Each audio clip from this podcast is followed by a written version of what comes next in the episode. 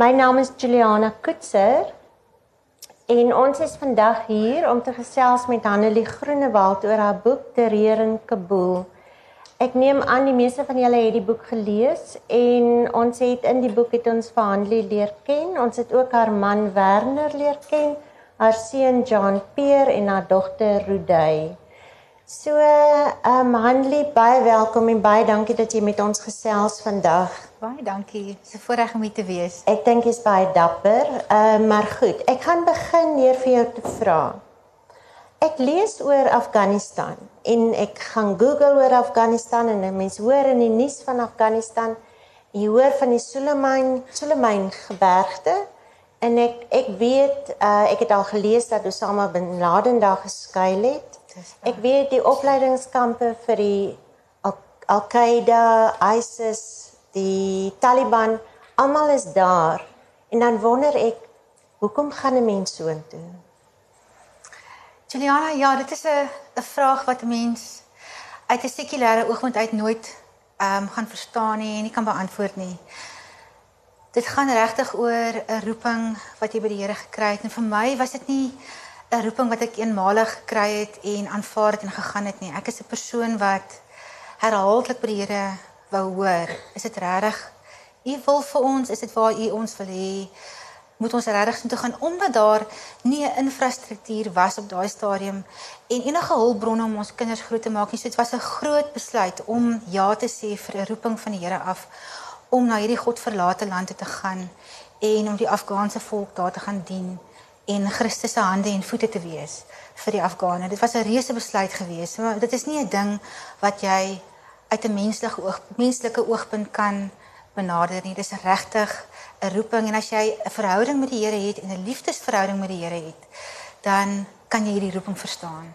En baie mense dink ek het nie regtig verstaan hoekom ons so toe gegaan het nie. My familie vir 'n voorbeeld wat almal Christene is, kon nie verstaan dat die Here, wat het gesê ook, die Here sal nie enige iemand na so oorloggetuise land toe neem met klein kindertjies en uh verwag dat hulle moet daar gaan siening werk toe nie. Maar dit is nie 'n ding wat jy uit 'n menslike oogpunt nou kan kyk nie. Goed. Okay, ek ek verstaan dit. En uit menslike oogpunt was dit vir jou skok toe jy daar kom? O, verseker. Ehm um, die eerste keer wou ek nie saam gegaan het nie te Werner. Ehm um, die eerste keer gegaan het en die roeping gekry het en toe ek later op 'n mediese uitreik saam met hom gegaan en dit was nogal 'n skok. En toe het ons besef toe ons na die roeping gekry het, ons sal weer moet gaan en gaan kyk waar gaan ons woon, by watter nie regeringsorganisasie gaan ons aansluit en hoe gaan ons vir ons kinders inskryf by 'n skool. En ehm um, elke keer wanneer ons intoe gegaan het, was dit 'n reuse skok want dis anderster as die weste, dis soos 'n ander planeet, dis 'n manswêreld.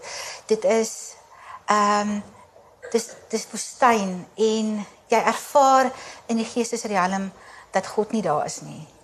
Ehm um, ek dink jy kan sê God is nie daar nie, want God is oral, maar dit dit is 'n dorre geestelike ehm um, plek om te gaan bly. Goed. Ehm um, vertel my ek ek lees in jou boek jy sê dit is die gevaarlikste plek vir 'n vrou om te wees. Vertel my daarvan. Ja, ons het maar so deur die jare ehm um, ervaar dat 'n vrou is regtig in die oë van ek ek glo ek weet nie of dit in alle moslimlande so is nie, maar in Afghanistan definitief was sy geag op dieselfde vlak as die waarde van 'n kameel. So sy was daar gewees om kos te kook, om huis te hou, wasgoed te was en vir die man om sy saad in haar te plant sodat sy kan kinders voortbring. Daar is nie 'n ding soos 'n liefdesverhouding tussen 'n man en 'n vrou nie. Wanneer paartjies trou, dan is dit gereelde huwelike in 99.9% van die gevalle. So hulle verstaan nie die konsep van liefde nie.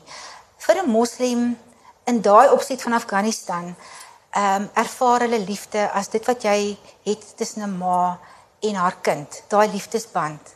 En daar bestaan nie iets soos 'n liefdesverhouding tussen 'n man en 'n vrou nie. Ehm um, ook wanneer hulle saam bly, gesinne bly saam in 'n kamer. En as daar 'n huis is met verskeie vertrekke, is daar verskeie gesinne in die ehm um, verlengde familie wat daar woon. En jy kan dink as die man en die vrou saam in 'n kamer is met al die kindertjies by, ek bedoel dit is nie daar's nie 'n regtige plek waar 'n man en 'n vrou in elk geval hulle liefde en toenadering teenoor mekaar kan bewys nie. So dit is 'n baie moeilike opsie, maar ehm um, meisies word regtig ehm um, op 12 jarige ouderdom of voor dit selfs al aan 'n man beloof. Ja. En hulle trou daai tyd en daar's baie meisietjies wat op 6 jaar trou en doodgaan tydens hulle eerste huweliksnag. Dit is daar's gruwelike stories van wat gebeur met klein meisies, dogtertjies naai in daai gebied. Sjoe, dit is vreeslik, nee. Ja. Ja. Sê vir my, maar tog was jy 'n dokter daar. So hoe was die ja. man se houding teenoor jou? Weet jy omdat jy 'n ehm 'n westerse vrou is, sien hulle tog jou in 'n mate bietjie anders as 'n gewone Afghaanse vrou en jy het in 'n mate toegang tot die mans en tot die vrouens en eintlik tot almal.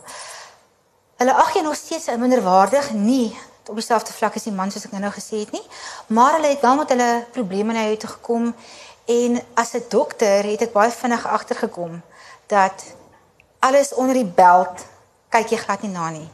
Ek het die boek ook genoem want in Suid-Afrika was ek gewoond daaraan jy kan 'n man ondersoek en daar daar dit is dis normaal. Dis wat jy geleer word op universiteit. Maar nie daar nie. Ehm um, want hulle sien 'n vrou as 'n prostituut. Maak nie saak hoe geleerd jy is of wie of wat jy is nie. Hulle sien ons Christene of die westerse wêreld as Christene en Christene is promiskuus en prostituie. So, so jy moet eintlik jouself beskerm daar. Verseker. Ja. En ek sien ook op straat. Jy het gesê op straat sal 'n man sommer 'n vrou gryp op sekere plekke. Ja, ja.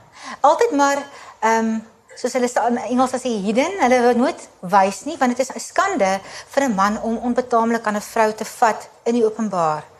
Maar van vooraf as hulle van vooraf kom in die, in die bazaars is dit verskriklik ehm um, crowded en hulle druk en stamp teen jou soos hulle van voor af kom met jouself eintlik afskerm aan die voorkant en aan die agterkant ek het altyd gesê ek wens mense net 'n 'n metaal uitrusting wat ek aan jou dra kan wat jy wat jy om jou kan sit wat, wat jy van alle kante af beskerm. So wanneer ons in die bazaar geloop het het Werner gewoonlik of voor my of agter my geloop en ehm um, jy was maar gereed om 'n facehou uit te deel vir 'n persoon wat oortree.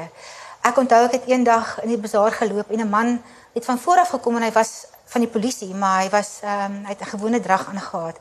En hy het van voor af gekom en teen my geskuur en ek het omgedraai, agter hom aangeloop en met my handsak oor die kop geslaan. Want jy moet dit doen anders dink hulle jy is 'n prostituut. En ek onthou nog as sy kop agteroor gewip het van die, van die gewig van my handsak. En hy was verskriklik kwaad en hy wou my arresteer. En toe het my man agter hom aangegaan en hom sê luister en jy het hierdie vrou onbetaamlik aangeraak.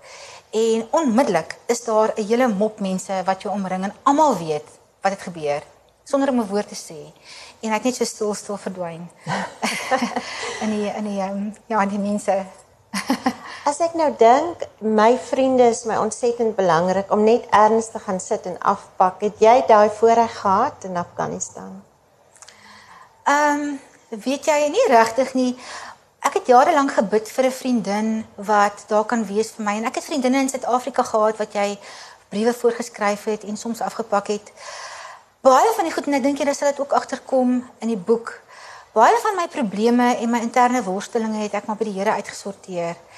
En baie keer met Rudy daaroor gepraat as hy bietjie ouer geword het want ek was in baie opsigte versigtig om te veel met Wanneer te deel want Wanneer hom vir 'n man, enige man is dit belangrik dat sy vrou en sy kinders gelukkig moet wees. En dit was onmoontlik om volkome gelukkig te wees in 'n land soos Afghanistan. So ek het geweet as ek met hom gaan praat oor elke dingetjie wat pla, dan gaan hy sê maar kom ons pak ons goed en ons gaan terug en ek wou nie daai roeping in die wiele ry nie. So ek het baie keer goed maar vir myself gehou of met Rudy gepraat of dalk met ander sendeling dames vra was, maar Ehm um, ek het nooit regtig 'n intieme band met 'n Afghaan kon vorm nie. Hulle sien jou altyd as iemand wat bo hulle is, 'n trappie bo hulle en vir wie hulle kan geld vra of ondersteuning kan vra. En so jy kan nooit regtig 'n diep vriendskap daar vorm nie. En dan met sendlinge, ek is net nie iemand wat ehm um, van uh, na sendlinge se huise toe sou gegaan het en gereeld gaan kuier het nie. En ons Afrikaners is is anders. Daar was baie Amerikaners gewees en hulle vorm hulle eie klik basies. So as 'n Suid-Afrikaner het ek altyd half buitekant hierdie kring gevoel. So dit was my moeilik geweest om regtig iemand te kry met wie ek my hart kon deel. Daar's tye wat ek oh, in die boek lees dat dat jou kinders nie altyd gelukkig was nie. Ja, veral nie vroeëre jare toe hulle nog klein was, was dit 'n probleem geweest veral vir Rudy, want sy het baie minder vryheid gehad as as uh, gewone mense, kinders hier in Suid-Afrika en dan ook as Jean-Pierre. Omdat Jean-Pierre se seun was, kon hy baie keer meer vry rond beweeg. En ons het hom ook toe gehad, hy was 'n groot seun van postuur en hy het baie keer net op sy fiets geklim en gery na vriende toe en ons kon dit nie met Rudy doen nie. So ons moes haar altyd iewers heen neem as hy iewers heen moet gaan. En sy het baie minder vriende gehad daar omdat mense kom nie regtig na die sendingveld veral Afghanistan met hulle tienerdogters nie. En sy was baie baie eensaam. En dit is hoekom ek en sy 'n baie baie spesiale band gehad het wat nie net ma-dogter was nie, maar ook soos 'n vriendinne, omdat ek baie keer my gevoelens met haar kon deel en sy die hare met my. Hanlie, so onvermydelik moet ek nou gaan na die aanval ja. um, op jou gesin. Ehm um, ek ek weet nie hoe dit vir jou voel nie. Dit voel vir my my trane sit net hier agter my oë as ek net daaraan dink. Maar ehm um, terwyl jy dit geskryf het, hoe het dit vir jou gevoel terwyl jy skryf oor jou kinders wat doodgeskiet is? Ek het die boek oor 'n hele paar maande geskryf en ek moet sê dit is die voorwerp waarna ek my hart kon uitstort. En omdat ek so baie voorgehore gedeel het, het ek myself altyd gedwing om nie emosioneel te raak nie en wanneer jy praat dan raak jy baie liggies aan van die voorvalle wat gebeur het of jou ervarings en daar's nie regtig tyd om in daai oomblikke diep te gaan nie. Maar ehm um, toe ek die boek begin skryf, het ek my hart uitgestort en ehm um, dit is 'n groot deel van die helingsproses wat plaasgevind het. Ek het gehuil en gehuil en gehuil. Dit was nie aande wanneer ek alleen was en dan niemand by my was nie, het ek geskryf En ja, dan moet jy gaan sit en dink het oor wat het ek geryk? Wat was my sintuiglike waarneming? Wat het ek geryk? Wat het ek gesien? Wat was my emosies? Wat het ek gevoel? En dit het ek neergeskryf in die boek. En die trane het gehardloop. Dit was dit was moeilik, maar ehm um, omdat ek so verskriklik besig was in die eerste jaar of 2 na die aanval as gevolg van internasionale belangstelling en mense in die liggaam van Christus wat my probeer ondersteun het het ek baie min tyd gehad om regtig te gaan sit en stil word en toe ek nou die boek begin skryf, het ek vir die eerste keer gaan stil word. En ek dink baie goeders het ek toe begin prosesseer en weer ervaar en toe die trane gestort daaroor. Daai die boek was definitief die grootste voorwerp gewees van genesing wat ek ervaar het. Hmm. Ek is eintlik so bly daaroor dat jy die geleentheid gehad het want ek het gelees dat na die aanval en die dae daarna hoe jy eintlik dit nie gedoen het nie, net ja, sterk was en ja. Ehm um, ja, en ook goed gedoen het wat my verstand te bowe gaan dat jy die krag gehad het om dit te doen. So ek dink dan was die boek seker 'n terapeutiese proses, Vers, nee. Verseker. Kyk, ek was so oorweldig geweest en ek dink die pyn wat jy ervaar in daai situasie, hier sit jy alleen. Ek het altyd gedink ons het altyd geweet iets kan gebeur in Afghanistan. En as dit gebeur het die Here 'n spesiale doel hoekom hy dit toelaat. Maar ek het altyd in my agterkop geweet wanneer gaan daar wees om my te help of Jean-Pierre ons as gesin sal daar wees.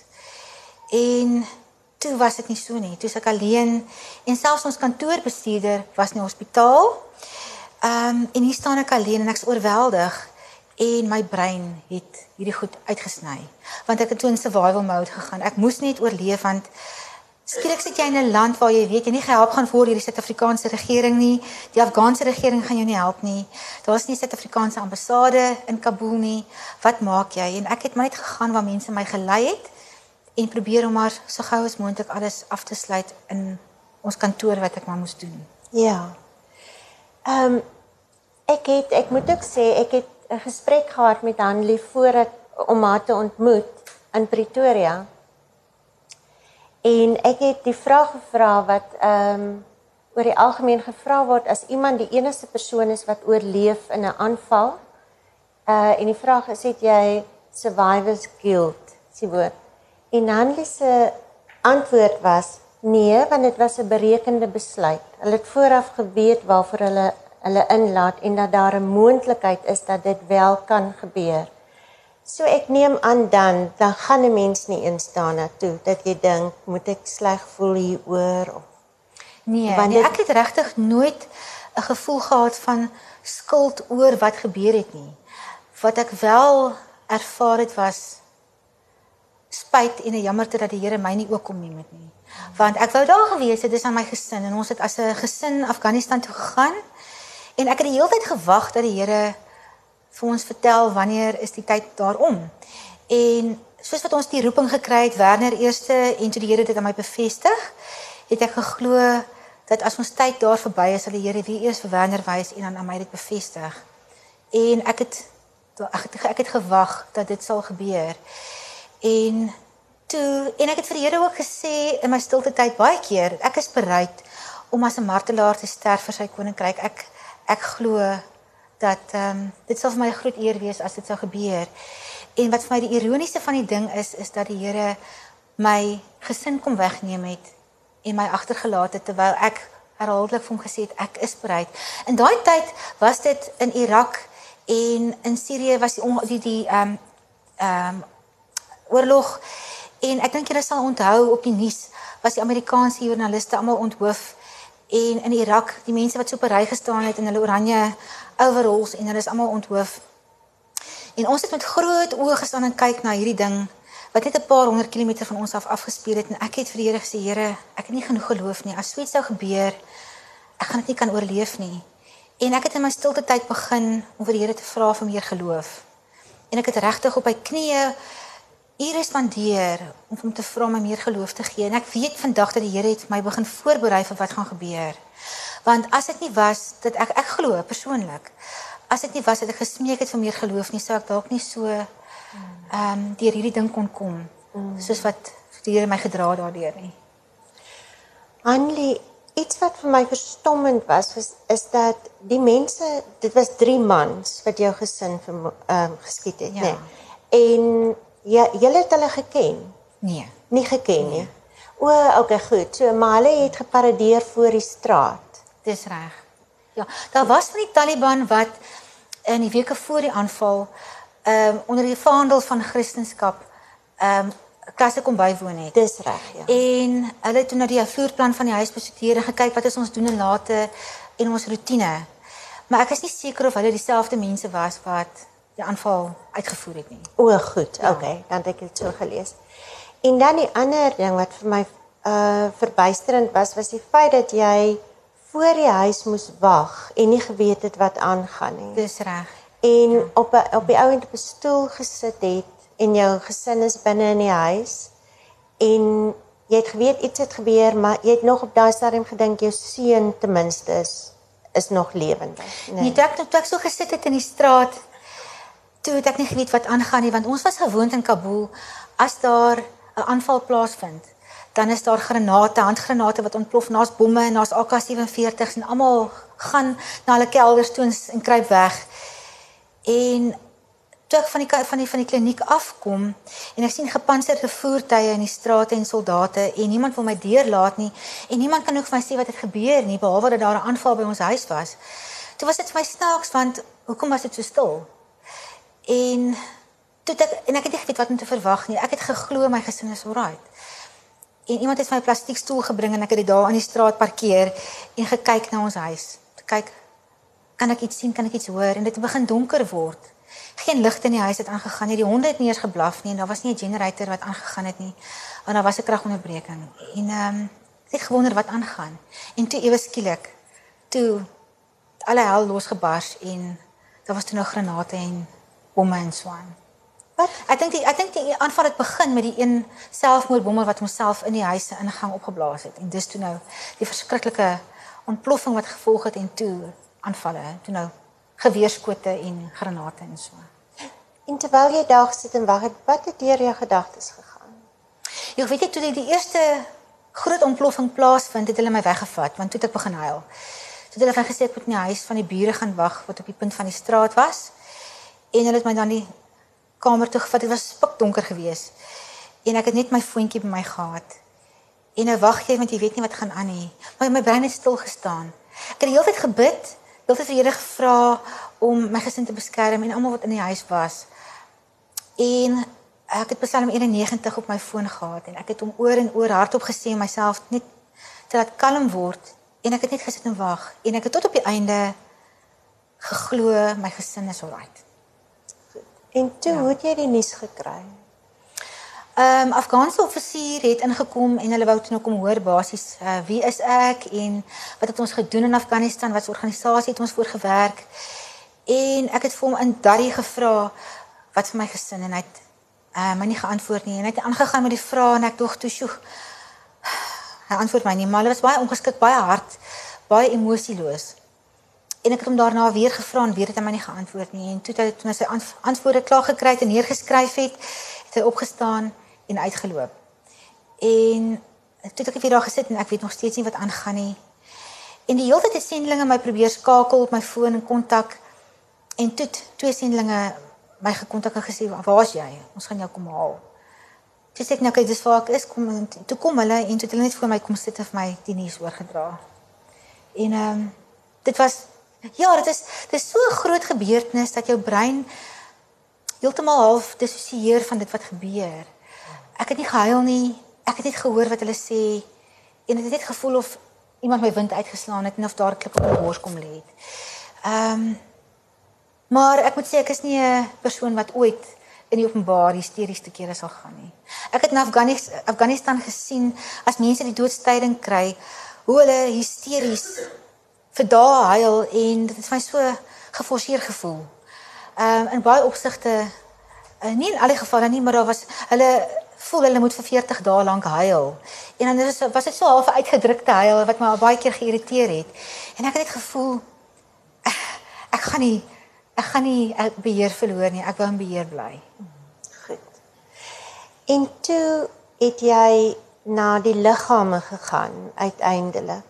Dis reg. En dit lees ehm um, dis eintlik verbuisterend om te sien hoe jy dit gedoen het dat jy die liggame gaan ondersoek het. Vertel ja. ons bietjie daarvan. Ja, om die Kaya uh lugmagbasis in te kom waar die waar die liggame gebeere is in yskaste was 'n verskriklike prosedure en dit het, het ure geneem om daar in te kom as gevolg van ehm um, al die ondersoekpunte waar jy deur moet gaan. En dit was nou amper half donker toe ons uiteindelik daarin is. En ehm um, ja, die mense het ons maar geneem waar ons wil wees en ek onthou ons het hierdie ongevalle eenheid gestap. En die kliniese aard van dit en die reuk van ons smettingsmiddels het my onmiddellik opgeval en my gevul met 'n vreeslike vrees. Terwyl ek eintlik al die jare 'n ongevalle dokter was en dit nie veronderstel is om vrees by jou uit te lok nie, maar ek onthou dit nog toe ons daardeur gestap het en hulle die liggame maar een vir een uitgehaal uit die yskaste uit en ehm um, Ja, ek het, ek het verwag dat die liggame skoon sal wees en ehm um, Ja, mens weet nie regtig wat om te verwag as jy daai zip oop zip nie. En dit was my skok geweest om hulle te sien en vir al die kinders. Jy verwag as jy fliek kyk, sien jy op sien jy op televisie, die liggame skoon en dit lyk lyk dit of hulle slaap. En dis wat ek verwag het en dit was my skok om te sien dat nie soos wat hulle geskiet was en die grond op hulle en die blare in hulle op op op hulle lywe en hare net so in sakke geplaas is en dis hoe ek hulle oopgemaak het. Dit was nogals sjoeg, ja, jy skrik. Ja. Het dit vir jou op 'n manier closure gegee om want jy het gaan kyk waar die koelgate was. Weet jy, ek dink daai was 'n outomatiese ding want toe ons nou die zip oopmaak en ek kom agter maar ek wil nie die gesig sien nie. Ek wil alles sien. En toe sip ek sommer die hele lyfies oop, die hele sakke oop en toe begin ek voel. En ehm um, maar toe het ek geskrik want toe kom ek agter toe ek die gesigte sien dat dit lyk asof hulle moeilik gesterf het. En ek glo vandag nog dat die Here vir my die geleentheid gegee het om my gesin te gaan balsam 'n paar dae later om daai gesigte wat ek gesien het initieel in die swart sakke vir my te wys maar hulle het nie lank gevat voor hulle dood is nie. Ek dink hulle was dalk dood gewees en terwyl hulle kan haal jy nog asem, maar is nie meer daar nie. En ek dink diere wil my wys maar dit is wat gebeur het. Jy kan nie so baie koels deur jou lyf kry soos 'n sif lyk like, en jou longe en jou hart en alles is is deurboor en nog steeds weet wat om jou aangaan nie. Hmm. En die belangrikste ding vir my wat die Here vir my gewys het is hy was daar in die kamer toe Jean-Pierre en Rodey geneem is. Want dit was my verskriklike ding om te kon wag of om te besef dat die kinders het gewag vir hulle beurt om dood te gaan. Hulle het geweet dit kom. En ek was nie daar nie. En as 'n moeder wil jy graag daar wees. Ek dink wanneer het nie regtig kans gehad om eers te besef wat gebeur het nie, maar die kinders het geweet en hulle het gewag. En dit was my die moeilikste van die hele aanval om te verwerk. Wat het hierdie kinders se gedagtes gegaan? Hulle gille vir hulp en ma was nie daar nie. En die Here het vir my kom wys ek was daar. En jy kan ontspan. Okay. En ek het dit baie as helend ervaar. En selfs as ek nou daaroor praat, is dit nog vir my 'n ding wat my gryp. Ehm um, maar die belangrikste is ek wil nie gehad het my kinders moet ly nie en ook nie Werner nie, maar ek dink Werner het uitgebloei. En dit was ook vinnig 2 minute en hy was dood. Maar die kinders se foltering om te wag wanneer dit my beurt en hierdie verskriklike mense, hierdie bose mense wat hier trappe opstorm en ons weet dis nou my beurt en ek kan nie wegkruip nie. Ehm um, en ek weet Trudy moes na Jean-Pierre se kamer toe gehardloop het want die die haar haar kroks het daar gelê en haar baadjie daar gelê so en ek weet as tieners het hulle mekaar nie geduld in mekaar se kamers nie. So die feit dat daar goedjies daar gelê het, het my gesê sy het na sy kamer toe gehardloop. Mm. Ag, sy. Dis vreeslik. Ja, want 'n ma wil daar wees as jou kinders bang is, nê? Nee. Natuurlik. So dit gee vir jou troos om te weet dat God was daar by hulle. Ja. Nee. Ja, verseker. Ehm um, en toe is die liggame toe hiernatoe gekom, Suid-Afrika toe gekom. Ja, hulle is gerepatrieer. Dit was ook 'n wonderwerk geweest want nou jy staan daar in Afghanistan met nie klere aan jou lyf. Jy het nie kredietkaart, die kredietkaart, kredietkaart het nie gewerk in Afghanistan nie. Niemand het kredietkaart fasiliteite nie. Ek het nie kontant met my gehad nie. Ehm um, ek het nie meer my paspoort gehad nie, nie my visum nie. Alles is uh, in die brand vernietig. En hoe die Here vir my voorsien het dat daar donasies ingekom het van internasionale ehm um, organisasies en NGO's. En hoe Turkish Airlines aangebied het om van die liggame van van, van dit gratis, nie gratis nie, maar teen 'n verminderde tarief te repatrieer en selfs Chico toe hy teruggekom het het ehm um, KLM aange, aan, aan, aangebied om om gratis te vervoer. So die Here het 'n goue draad hierdie hele tragedie ges, geweef. En dit was my eintlik regtig awesome om te sien hoe die Here in beheer was van hierdie hele situasie en hy het dit verseker toegelaat vir 'n rede. Ek glo nie dit was sy wil nie, maar ek glo hy het dit toegelaat vir 'n rede. Ehm um, die feit dat die kinders se liggame nie verbrand het nie. Ek sê altyd in gehore ook. Alles in ons huis het gebrand totdat die RPG 7's in die huis ingeskiet het. Nou die van julle wat weet hoe RPG 7 werk, is hy gee vier stukke af. En oralste waar dit val, steek dit alles aan die brand. En ehm um, ek het 'n foto buite Jean-Pierre se kamer geneem en sy houtdier het ook afgebrand. En alles was as gewees in die huis. Maar daai kamer het niks gebrand nie. Dit was alles die mekaar van eksamenpapiere en alles was stikkend in kaste wat uitmekaar het geval het as gevolg van die die bomme. Maar die kinders se lyke het nie gebrand nie. En ek het by die valke gesit na die tyd hier in Suid-Afrika en ek het hulle die vloerplan van die huis geteken en hulle het my gesê Hanelie, dis onmoontlik dat daai kamer nie gebrand het nie. Want daar was twee RPG sewees in die huis ingeskiet. En toe ek hulle gebalsem het, was daar geen brandwonde aan hulle lyke gewees nie. Dit was net die skietwonde. En ehm um, die Here het my gewys dat ek wou vir jou jou kinders en jou man se liggame gee om Suid-Afrika toe te bring om hulle hier te kan begrawe en ordentlik afskeid te neem. Werner was nie blootgestel aan die brand nie, want dit was nie kelder gewees, maar die kinders was in ons wooneenheid wat heeltemal tot as verbrand het. En dit was 'n ongelooflike wonderwerk vir my soos Daniel in die vuuroond waar die Here hulle lyke beskerm het sodat hulle kon Suid-Afrika toe kom. Anlees jy nie kwaad nie. Weet jy ek ek sê vir mense, ons eerste reaksie wanneer so 'n tragedie in jou lewe gebeur is, ons is gewoonlik kwaad vir God. Ek was nie kwaad nie, maar ek het 'n verskriklike naby verhouding met die Here gehad en hy was my soos my vriend en hy's nog steeds. Maar vir daai tydperk of vir 'n kort tydperk het ek my rug weggedraai van die Here af. Ek het hom gesoek, maar ek kon nie kontak maak nie. Ek het aangegaan in Afghanistan om my stilte tyd te hou in die oggende. ek kon nie bid nie en dit is asof daai draadjie vir, vir 'n oomblik geknip was. En soos wat die tyd gevorder het, het dit weer verander en weer normaal geword. Maar ehm um, ek was nooit kwaad nie. Ek dink dis omdat ons die koste bereken het. As jy kwaad word vir God, dan beteken dit dat jy die soewereiniteit van God in twyfel trek. Asof jy wil sê God, jy weet nie wat jy doen nie. Ek weet beter. En hoekom het hierdie ding toegelaat? Dan vra jy die hoekoms en die waaroms en jy bloei en al die energie word uit jou uitgesuig. En jy gaan nooit antwoorde kry op die hoekoms en waaroms nie, maar ons het koste bereken. Daar's 'n prysetiket verbonde daaraan om Jesus met jou hele hart te volg. En ons het daai koste bereken. Ehm um, en ons het geweet as iets sou gebeur, dan sou die Here dit toelaat. En a, net 'n maand voor die aanval het ons China toe gegaan en Wander moes preek daaroor counting the cost for Christ.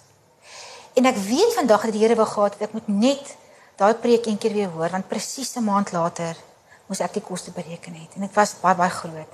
En wanneer het sy boodskap afgesluit met die woorde we die only ones it might as well be for Christ. En weet jy as jy in daai situasie is, dan dink jy nie altyd twee keer daaroor nie, maar na die tyd toe besef ek dat die Here wou regtig gehad het dat ek net weer dit een keer moet hoor. En ek moet besef, Annelie, jy het die koste bereken. En in kosteberekening lê die feit van God se perspektief ook sien want dit help jou om nie vir God kwaadlik te neem nie. En vandag ook nog ek aanvaar presies wat gebeur het. Almal van ons ervaar pyn en swaar kry in die lewe en ek dink net ehm um, ja, dis 'n vaste vertroue en 'n liefdesverhouding met die Here wat nie eens deur so iets dra. Ehm um, daar was een wat dit oorleef het en dit was Chico, die ja. hond. Ja. En Chico het saamgekom Suid-Afrika toe. Dis reg. En hy het soos wat ek gelees het aanvanklik wou hy nie sonder jou wees nie, is hy nou oukei? Okay? Nee. Ek het my tasie pak gesit, ek sit ook nie weer aan kyk. Hy weet al as ek 'n tas pak gaan dit weg. En hy wil nie eet tot ek terugkom nie. Ag, sy rare. Ja, ja. Goed, so ek ek het nooit besef dat 'n hond of 'n troeteldier so geweldige eh, terapeutiese invloed op mense kan hê nie. Dat hulle soveel kan ervaar en verstaan. En nou nog tydens donderstorms is dit baie baie ontsteld. As ons as ons ehm um, ook vure aansteek om vleis te braai, hy's net weg. Ag so. Ja nee. Ja, hoe hoe hy oorleef het, weet ek nie. Ehm um, ek neem aan hy was maar aan die kinders by die kinders in die kamer gewees nadat hy mag gelê, stoel gelê. Ja. Hy was nie soos die ander hond wat aggressief was nie. Hy's maar die spelerige hond en ek dink dit het sy oorlewing veroorsaak gewaarborg. Maar hy seker vir jou ook belangrik. Nee. Verskriklik. Ek wil nie eers dink as daai hond die dag uh, moet gaan nie. Dit is vir my ja, ek wil nie daaraan dink nie. Ehm um, ja, juist omdat hy vir my die laaste band is met Afghanistan. Mm. En ehm um, ja, en jy weet 'n hond het net 'n sekere leeftyd so ek weet ek moenie te geheg wees nie. Ehm um, maar vir nou geniet ek om terwyl hy daar is en ek sal daar kom as ek daai trappie of daai episode in my lewe moet ervaar waar hom ook moet groet. Dan sal die Here my daar ook help. Ja. Ja. Het jy kontak nog met mense in Afghanistan? Ja. Ja. Van die Afghane? Ehm um, dit is eintlik ongelooflik hoe hulle kontak gehou het en baie van hulle het ehm um, soek hulp. Hulle wil graag uit Afghanistan uitkom en die feit dat ek in Suid-Afrika is, dan sien hulle jou as die persoon wat hulle kan red uit Afghanistan uit. Maar dit is vir my onmoontlik om dit te doen. So baie van hulle wou Suid-Afrika toe kom en 'n 'n nuwe begin hier kom maak. Maar hulle is nie Engels magtig nie en Ehm um, ek dink nie hulle gaan eers regtig 'n permanente visum kry of 'n werkspermit in Suid-Afrika nie. So dit was nie vir my regtig 'n opsie nie. En natuurlik was daar baie van die Afghane wat gevlug het as vlugtelinge Europa toe en wat nou in lande soos Finland en Duitsland is en ehm um, daar's 'n hele paar Afghane wat ek van geen armskant af ken nie. Wat sê hulle ken my en hulle was in ons bediening gewees en ek moet vir hulle briewe skryf vir asiel om in lande soos Finland en, en Engeland te kan te kan bly. En kerke wat vir my uit Europa uit briewe skryf en vir my sê help hierdie mense en sê maar ek weet nie wie is die persoon nie. Dat ek dan die Afghane wat in ons in ons in ons ehm um, NGO was, kontak vir sê, "Hoe ken julle hierdie persoon? Ek ken hom nie." Sy sê nee, maar hulle ken ook nie hierdie persoon nie. en uh, so daar's baie bedrog ook, baie van die Afghane wat probeer om uit die land uit te kom vir 'n vir 'n beter toekoms en dan hierdie situasie gebruik as 'n stepping stone. O ja, natuurlik. Ja. Goed. Vertel vir ons van jou aanpassing toe weer terug in Suid-Afrika. Sjoe, ehm um, ja, ek was baie besig geweest en ehm um, ek ek as ek sê ek moes toe basies begin deel met rou die rouproses en baie mense en selfs ons kerk het my gekritiseer omdat ek verkeerd rou. Nou ek het nie geweet daar's 'n regte en 'n verkeerde manier van rou nie. Elke persoon hanteer dit maar op sy manier om te kan oorleef. En ehm um, so ja, ek dink die Here wou gehad het ek moet by sy voete sit en ehm um, net closure kry. Maar dat 'n baie groot ding gebeur. Ek was nie seker gewees wat wil die Here nou moet ek doen nie. Moet ek 'n sendeling bly? Moet ek terug gaan uh of Griekeland toe gaan en daar gaan werk met die vlugtelinge of moet ek in Suid-Afrika bly en hier 'n nuwe lewe maak? Wat moet ek doen? En ek dink dit was my een van die grootste dinge om net stil te word en by die Here se voete sit en was te sit en wag vir wat sy plan is vir my lewe want dit het vir my te lank gevat. Ek het nie ek het nie geweet of ek Here moet help nie. En ek kan maar net vandag sê dat die Here het nie ons hulp nodig nie. Hy lei ons as ons sy lewe aan hom toe vertrou sodat hy vir jou presies wys waar en wanneer. En jy sal dalk 'n gevoel kry dat jy dit moet gaan doen of dat ehm um, of ondersoek instel, maar hy het jou nie nie hulp nodig nie. Hy sal vir jou wys waarheen om te gaan. Vir my was dit belangrik om my ou hoofstuk van Afghanistan en die kinders en Werner af te sluit en 'n nuwe hoofstuk te begin. Um, al my rolle het in 'n oomblik verdwyn. Die van 'n vrou wees, van ma, van 'n dokter, van onderwyseres, van 'n sendeling. Al daai goed was op 'n oomblike weg. En ek moes my nuwe lewensdoel soek en vind en dit was verskriklik moeilik vir my gewees. En ek moes ook my bagasie van Afghanistan van my afgooi. En dit is vir een van die dinge wat die Here vir my kom wys het. Hy wou gehad het ek moet bagasieloos in die nuwe ehm um, nuwe siklus my lewe ingaan. En in die proses kon ek baie mense ook help wat bagasie het om net deur wat ek vir hulle sê te help om my bagasie af te gooi. En dit gaan oor vergifnis. Dis die grootste ding om die mense wat dit aan jou gedoen het en aan jou gesin gedoen het te vergewe en om vir God se perspektief te vra. En sy perspektief is ons is in 'n oorlog, 'n onsigbare oorlog en jy het nie 'n keuse of jy in die oorlog gaan veg of nie. Jy het net 'n keuse aan watter kant jy gaan gaan veg. God se kant of Satan se kant. En jy moet die koste bereken om God met jou hele hart te volg. En ehm um, as jy ook besef dit gaan nie oor jou nie. Die lewe hier op aarde gaan nie oor ons nie, dit gaan oor God. En om jou lewensdoel uit te leef tot eer van die Here en om mense te dien en om pyn en seer in die lewe te help verlig en om liefde uit uit te, te deel. Dis waaroor dit gaan. Goed, ek het nog twee vrae en dan gaan ek vir die gehoor geleentheid gee om vrae vir jou te vra. So die eerste een is dit is onvermydelik dat jy kritiek sou moes sou kry, nê, nee, want ek lees in die boek ook van radiostasies wat blykbaar soos inbelprogramme gaan of mense wat oor die lig hulle besluit om so intoe te gaan te kritiseer. En dit is vir my so erg dat jy eintlik nou daai kritiek alleen moes toe nou hanteer. Ja. Ehm um, goed, maar hoe hoe voel jy daaroor? Weet jy ek het maar nie vreeslik gebreek daaroor nie. Ek dink die feit dat as jy weet jou roeping was duidelik en jy was gehoorsaam en jy het gegaan waar God jou gelei het. Jy het die koste bereken en jy weet iets enigiets kan gebeur en dit het nou gebeur. Dat as mense vir jou sê maar jy het mos nou gekry wat jy gesoek het, dat ek sou nie vir ek het nie verkrummel nie. As ek nie seker was van wat die Here se doel was en of nie doel nie, maar sy wil was in hierdie situasie nie, sou ek verkrummel dit maar ek het nie. Ek het dit gesien as vervolging as deel van hy kosteberekening van ons was gehoorsaam. En die Here het gesê nie ehm um, as nie, maar wanneer jy vervolg word, dan moet jy rondspring van vreugde want groot is julle beloning in die hemel. En ek het dit gesien as deel van vervolging. OK.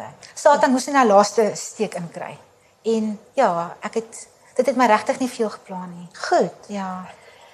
Dan soos julle almal kan sien, sy het 'n ring aan haar vinger.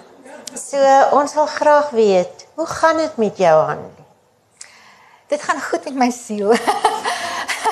weet jy ja, jy's daai ding van die ou af lê en die nuwe siklus begin en hoe die Here van gewys het hy wil my gebruik in Suid-Afrika en nie oorsee nie om mense aan te raak en ek het geweet ek my getuienis deel En ek het nie geweet hoe baie mense in Suid-Afrika in hierdie mooi land van ons se lewens is so gebroke en vol seer en hulle weet nie hoe om hoop en genesing te vind nie. En hoe die Here my gebruik om dit te doen nie. En op die pad het die Here vir my hierdie wonderlike man in my lewe gebring en ek kan net vandag sê as Werner en my huwelik met hom A was, dan is hierdie huwelik Z.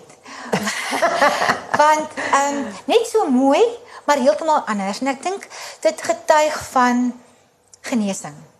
As ek gaan soek het na 'n man wat weer soos Werner is of was, 'n predikant of 'n sending en hoe hy gelyk het en dit nagestreef het, beteken dit tog eintlik maar jy leef nog in die verlede. En hierdie man is heeltemal hy lyk anders.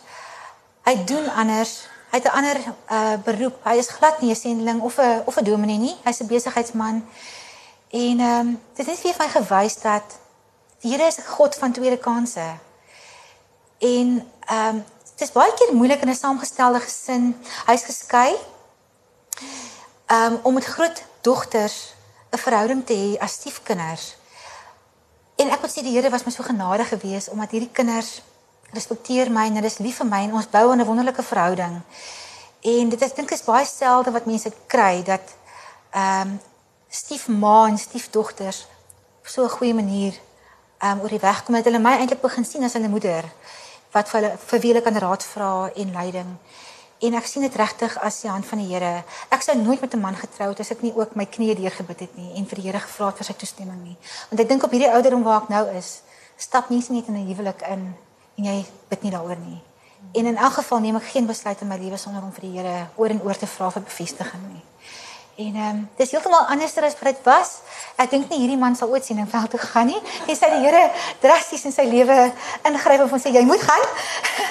maar ehm um, ja, ons ons lewe gelukkig in Hartbeespoort en ek weet dat die Here my kragtig gebruik in die praktyke waar ek is om mense te help wat met depressie en angs en spanning en paniek selfs kom.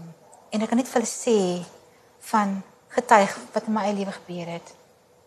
En baie keer as ek aan mense vertel wat my gebeur het, dan is hulle oë groot en hulle sê, "Sjoe, ehm um, en ek vertel dit nie vir hulle om vir hulle te sê wat met my gebeur het as sulks nie, maar om net vir hulle 'n perspektief te gee op um something much bigger is coming. Ons moet net vasbyt. En um die Here sal vir ons ons kroon van beloning gee eendag as ons volhou, volhardend is in die geloof. En hierdie resies klaar hardloop en weet Here staan op die einde en wag vir ons. En hy sal met ons in die resies, hy los ons nie alleen nie. Goed. Ehm um, dit is reg my ontsettende voorreg dat ek jou kon leer ken ehm um, hierdie sterk vrou ehm um, met met hierdie ongelooflike liefdevolle hart. So ek is seker julle het dit geniet om na haar te luister. Kom ons gee haar.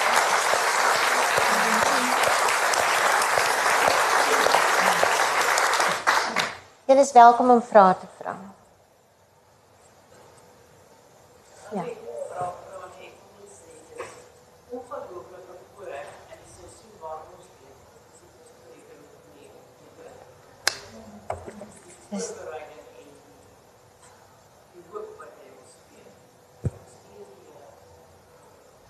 Amen. Dankie. Nog vra, daar's nog tyd hoor.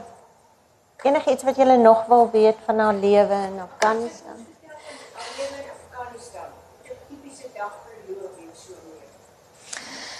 Uh, ek en Rudy was baie meer housebound geweest want ons baie minder kon uitbeweeg. Ehm um, ek het soms bestuur as ek gaan klein huurvare koop, maar meestal was 'n vrou maar meer jy stap maar eerder of ehm um, jy's in die huis. En so ons het in die oggende opgestaan en sê weer het ons maar saam as 'n gesin koffie gedrink en wanneer het ons ontbyt geëet. En ons het baie gesels rondom God se woord en ek waardeer daai tye verskriklik baie. Want wanneer was daar met sy wysheid en wanneer daar vrae was oor godsdiens en kristendom, het hy altyd antwoorde gegee wat die kinders ook verstaan het. En daai tye in die oggend het baie bygedra tot hulle groei en tot hulle geloof wat ontwikkel het. Ehm um, so daarna het ons dan het wanneer kantoor toe gegaan en ons het begin met homeschooling doen. En ek het my stilte tyd gaan hou ehm um, en dan aangesluit. Party daar was ek by die kliniek gewees, dan was ek vir die hele dag nie daar nie. En dan moes die kinders op hulle eie aangaan met die skoolwerk En ander dae as ek daar was, het ek met hulle gesit, veral met Rodey dan in die oggende en in die middag van die aande met Jean-Pierre. En hom kos gemaak en as ons het ehm um, in die kantoor al ons personeel 12:00 die middag die klokkie gelei en dan het ons almal gaan saam eet om 'n groot tafel. Wat 'n groot hoogtepunt was. Ehm um, ek, ek glo die Afghane meeste van hulle was lief vir ons, maar ek moet ook sê dat daar was ek het dit in die boek ook geskryf, maar kon dit nie so pertinent sê nie, maar daar was Afghane om daai tafel wat op die ouene betrokke was by die aanval. En ehm um, so het ons uitverkoop aan die Taliban. Maar ek het nie bewyse vir dit nie. Ek weet dit, ek weet wat ek weet, maar ek het nie skriftelike bewyse nie. Die polisie het nooit 'n ehm um, ondersoek geloods nie waarin daar geskrewe dokumentasie is nie. So dit was 'n groot slag vir my gewees, maar ons het altyd lekker saam gekuier en in die middag dan aangegaan met skoolwerk en in die aand het ek het ek kos gemaak vir ons Suid-Afrikaanse kos. En daar was baie keer ook my sendeling kinders in ons huis wat oorgeslaap het en gekuier het en so aan. So dit was altyd maar werk, werk, werk en maar meestal in die huis, ek en Rodey. En Rodey se lewe veral was baie in die huis gewees wat vir my baie aan my gekrap het.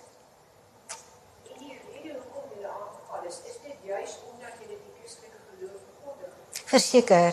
Ja, ons het, ek dink as jy die boek lees gaan jy ook verstaan, ons het die Politchergie uh, gevangenis gaan besoek en die Taliban ehm um, is in die maksimum sekuriteit deel van die gevangenis en hulle beplan al hulle al hulle aanvalle in Afghanistan en oor die wêreld van daar af. En ehm um, hulle het begin sien dat ons daar is. En ons het vir Bevan Campbell gaan kuier en ons het briewe van van hom af vir sy familie gestuur en ehm um, dan van sy familie af hom briewe gestuur. En hy het geweet wat aangaan daar, so hy het vir ons een keer 'n uh, dokumentasie gegee waar hy verwag het daar en daar gaan 'n aanval plaasvind en ons moet asseblief vir die Amerikaanse ambassade gaan gee. Dis wat ons gedoen het en ek dink die Taliban het ons daar gemerk. Hulle het geweet dat ons die brief vir die ambassade gaan gee. Maar ek kan glad nie hierdie goed in die boek sê nie. En ehm um, ja, en toe was die ouens wat saam met ons in die kantoor was ook betrokke by die Taliban. En uh, dit is maar wat gebeur het. Maar verseker ons het elke maand was daar dopelinge gewees, nuwe bekeerdes ehm um, wat wat wat ehm um, in ons kantoor gedoop is. En Taliban het begin sien hmm, hierdie mense is besig om bietjie te stuur.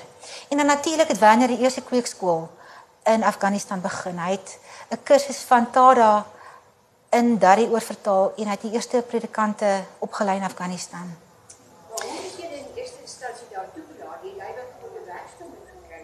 In Afghanistan. Ja, nee, ons moet werkspermitte kry, maar jy gaan onder die jy doen jou Christelike aktiwiteite onder die rook of onder die dekmantel. Jy mag nie omdat dit 'n geslote land is, 100% geslote. Word Christene nie toegelaat daar nie. So alles wat jy doen is in stilte. So ons moet maar sekulêre werk, humanitêre werk daar doen om daar toegelaat te gewees het. Ek ek is as ek was 'n dokter en hy het aan basies onderrig gegee. Maar na ure het hy maar die kweekskool gehad en predikante opgelei. En ehm um, Daar was 'n skool gewees die ISK Amerikaanse skool en Jean-Pierre Nordait het vir 'n paar jaar soontoe gegaan maar as gevolg van finansies sendelinge is ons maar afhanklik van gemeentes en individue het dit net te te, te moeilik geraak en ek het maar weer tuisonderrig gegee. So ja, dit was 'n moeilike lewe gewees. Dit was nie maklik nie, hoor. amper 12 jaar. So Rodai was 3 jaar toe ons intoe gegaan het en sy was 15 toe sy oorlede is en Jean-Pierre was 6. En toe hy 17 toe oorlede is. Maar hulle het Afghanistan ervaar as hulle eie land. Hulle ons het die Suid-Afrikaanse kultuur daar probeer vestig so ons het oor die internet rugby gekyk en cricketwedstryde. Ehm um, en ons het Suid-Afrikaans geëet. In die aand as ek vir ons kos gemaak het, het ook wors gestop vir ons daar. Maar ehm um, Nie varkvet nie nee. Ek was skaapvet gebruik. en uh, so ons het Suid-Afrikaans probeer leef daar en ons kinders was in hulle harte reg Suid-Afrikaans. En as hulle in Suid-Afrika kom kuier het, was hulle heeltemal in hulle element. Maar dit was moeilik om dan weer terug te gaan Afghanistan te vir ons almal na vakansie in Suid-Afrika. Daar was nie supermarkte gewees nie. Eers latere jare daar is 'n supermark opgemaak Finest met 'n paar takke en uh so die meeste was maar van die bazaar af waar jy vrugte en groente gekoop het en vleis gekoop het en baie baie duur omdat alles ingevoer word as jy westerse produkte wou aanskaf. Ehm um, as jy as jy geëet het wat die locals eet, was dit heelwat goedkoper. Hulle stapelvoedsel is maar naan wat hulle in oonde bak en dan groentee. En dit is baie interessant.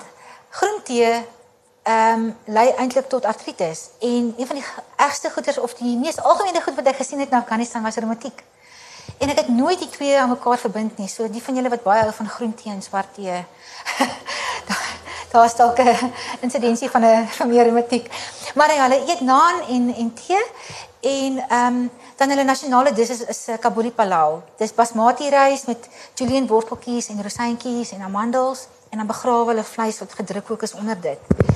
En as jy in 'n groep is, dan is daar nie baie stukke vleis nie, daar's byvoorbeeld een of twee groot stukke vleis, so die persoon wat die hongerste is, gryp dit eers en die ander eet rys. maar ehm um, ja, hulle kos is lekker.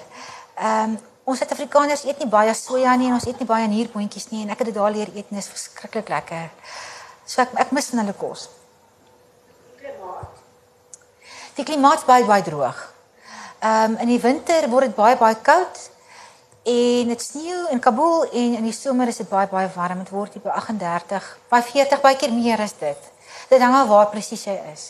En omdat dit woestyn is, is dit baie droog. So na 'n paar dae in Kabul dan begin jy met hierdie hoesie.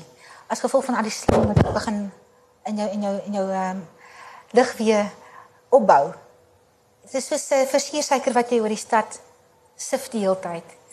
Ehm um, maar dit is baie baie warm, baie slange, baie skorpioene in die somer en hulle huise is nie baie goed geïnstalleer nie. Hulle bou met stene langs mekaar nie tussenin nie en dan net sement. Ek bedoel stene langs mekaar, maar nie sement tussenin nie. Die sement kom net bo en onder. En dit veroorsaak dat die huise nie goed geïnstalleer is nie. So in, in somer kry jy baie keer skorpioene in die huise. Soms slange wat ons ook gehad het. En ehm um, en in die winter is die huise verskriklik koud. Almal span dan basies plastiek vir die vensters. En ehm um, dis gevaarlik. Want daar's nie goeie ventilasie dan nie. Ekskuus tog? Ek ek ek het vandag gehoor dit gaan goed. Ja. Ek's baie baie dankbaar. Ek het die boek oorspronklik in Engels geskryf.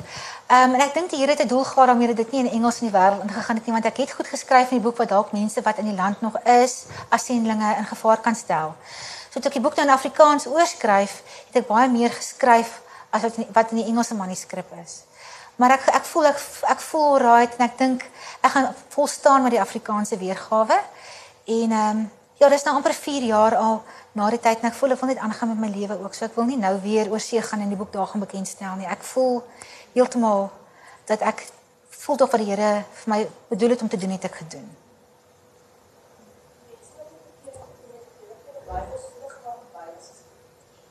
Weet jy, dit was nog 'n ding in die beginjare het ons Bybels ingesmokkel van Pakistan af in bokse en baie keer benoude oomblikke gehad wanneer die ehm um, uh, die grenswag of poste uh, grens uh, wag polisie van die bokse oopgemaak het. Maar later het hulle baie MP3 spelers gehad en goed wat jy in jou foon kan sit. So en hulle weet nie altyd wat is dit nie. So ons het daar's baie Bybels, baie materiaal in Afghanistan. En omdat die mense nie geletterd is nie, kan hulle baie keer nie lees nie. So dan is dit beter om te luister na MP3 spelertjies waar hulle kan luister na die woord. En dit is hoofsaaklik in twee tale in Dari en in Pashto. So ja, nie daar's baie materiaal. As ek hier in die 12 jaar wat jy nou ook al teruggekom het op die nippertjie wat ek terug kom maar weer gebly het. In die beginjare ja, en veral in die begin was dit baie moeilik om aan te pas. En die kultuurskok het veroorsaak dat ons baie keer gevoel het om ons tassies maar te pak en terug te kom. En weer eens, dit was nie die Here se wil dat ons terugkom nie, anders sou ons hier gewees het, maar ons het gebly en aangepas en dit ons land gemaak daar. En baie keer as ek nou terugdink vandag is daar baie heimwee ook na Afghanistan toe, maar ehm um, mens bly maar wat jy is, Suid-Afrikaner in Morgenbeen. En dit was altyd vir ons wonderlik om Suid-Afrika te wees. En uh, ek moet eers gesê op hierdie stadium het ek nie regtig begeerte om terug te gaan Afghanistan toe om weer daar te gaan werk nie. Miskien net weer om mense te gaan sien wat ek ken en net weer die kultuur te ervaar. Maar ek dink nie ek sal ooit weer wil teruggaan om Ek twyfel. Ek twyfel of vir my sal toelaat. Ja. Ek dink as hulle my toelaat, dan sal hulle my dalk seker maar 'n bietjie dop hou. Want hulle weet hoekom ons ons uit die land uit of hoekom wat het gebeur. En ehm um, so ek dink hulle sal my hulle sal my dop hou.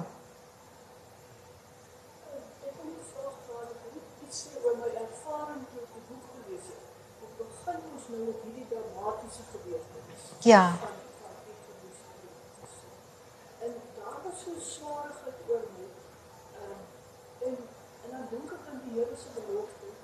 Uh, in Filippense 4 vers 9 en my God sal elke behoefte van julle voorsien as die Here van Christus Jesus. En ek geskiedenis met blaai staan ek sien dit as fotos en hier kom ek op die foto af van Hannelie en Hans. Ja. En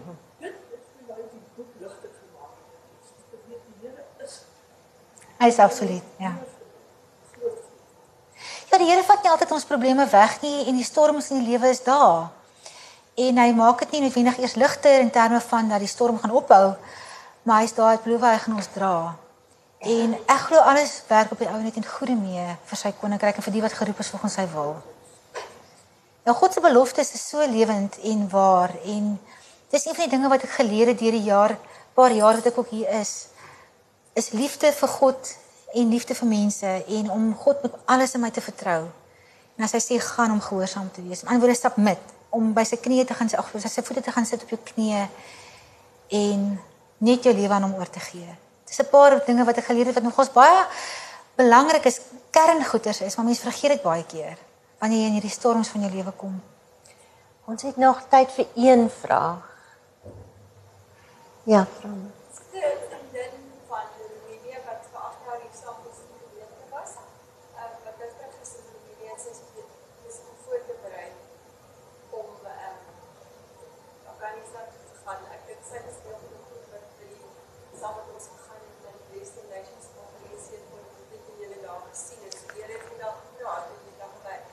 Okay. Uh, vir ons is dit as sienlinge is ons nie ons glo die Here lei baie lei in my in die soort baie so. Dit is ook vir ons voel nog op ons groot verantwoordelikheid om te sê sê die Here ons en ons wat dit daar kry om maar so roeping te gee. So ons moet dit gaan aan, maar dit is nie moeilik. So wat hoe sou jy so iemand wat na jou kom en sê dat jy praat met my Weet jy in hierdie ek dink die sekuriteit in Afghanistan Afghanistan is op hierdie stadium eintlik baie swakker as wat dit was toe ons oorspronklik gegaan het. En mens hoor weekliks van selfmoordbomaanvalle, so dit is 'n groot risiko. Maar as jy seker is dat die Here jou roep en bevestig oor en oor vir jou, ek dink nie mens moet net een keer gaan of besluit ek die Here het my geroep en nou gaan ek nie. Ek dink mens moet regtig by die Here sit en kyk dat hy deure oopmaak En as dit regtig geroeping van Here af is nie, wie's ons om te sê nee? Dan moet jy gaan. Ja. Goed, ehm um, okay, ek gaan jou nog toelaat. Is reg. Wat is die eerste grootste les wat jy geleer het hierdan? Die grootste les. Ehm um, dis iets wat Werner my geleer het nogals ook. Dat jy kan alles verloor en God kan alles van jou afstroop aan die buitekant. Maar hy sal jou weer optel, hy's getrou en ehm um, hy sal weer vir jou 'n nuwe lewe gee. Nee, soos wat Werner gesê het is die Here kan alles van jou wegvat. Maar daar's een ding wat jy nooit gaan verloor nie en dis jou salvation, jou redding. En dit is waarna ek vasgehou het ook. Ek het alles verloor. En hoe die Here die pad met my gestap het en my gewys het wat sy karakter is van liefde. En ek kan sê dit is nog 'n groot. Ek het nie seker net een groot ding geleer nie. Ek het baie dinge geleer. Maar een ding staan vir my uit bo alles. Dat God is waarlik 'n God van liefde en sy karakter is die van trou. En weet jy wat ek vir mense baie keer sê? Ons glo dit nie regtig nie. Jy weet God is liefde want jy leer dit in die kerk en jy sing dit elke dag en jy sien dit oralster. Maar die oomblik as die pop op die fan stryk, dan glo jy nie dat God goed is nie. En dis die een ding nie wat as jy daai ding in jou lewe vasmaak en jy weet dat jy weet dat jy weet God is 'n God van liefde. En wat hy van homself sê in die woord en Eksodus 34 sê hy dieselfde ding. Ek's 'n God van liefde en ek's getrou. As jy God glo vir sy karakter en dit aanvaar en dit glo met hy dit gesê het, dan gaan baie dinge in die lewe wat vir ons nou krisisse is nie so 'n groot krisis wees nie. Dit is belangrik. Goed. Ek wil net afsluit deur te sê dat ehm um, ek is 'n psigoterapeut wat spesifiek met trauma werk. En ek dink nie daar is 'n erger trauma om so as om so baie te verloor soos jou man en jou kinders te gelyk nie. Ehm um, dis 'n situasie wat ek nie dink enige iemand homself kan in dink in nie of invoel in selfs nie. Maar Hanlie, jy weet wat, jy gee vir ons hoop. En dit kan ek vir my pasiënte kan ek sê. Daar's 'n vrou wat dit oorgekom het en sy is regtig ander kant uit. Ehm um, so verskriklik dankie vir jou boek. En dankie dat jy jou lewe op so 'n gulhartige manier met ons deel. Baie dankie. Baie dankie. Dis 'n voorreg.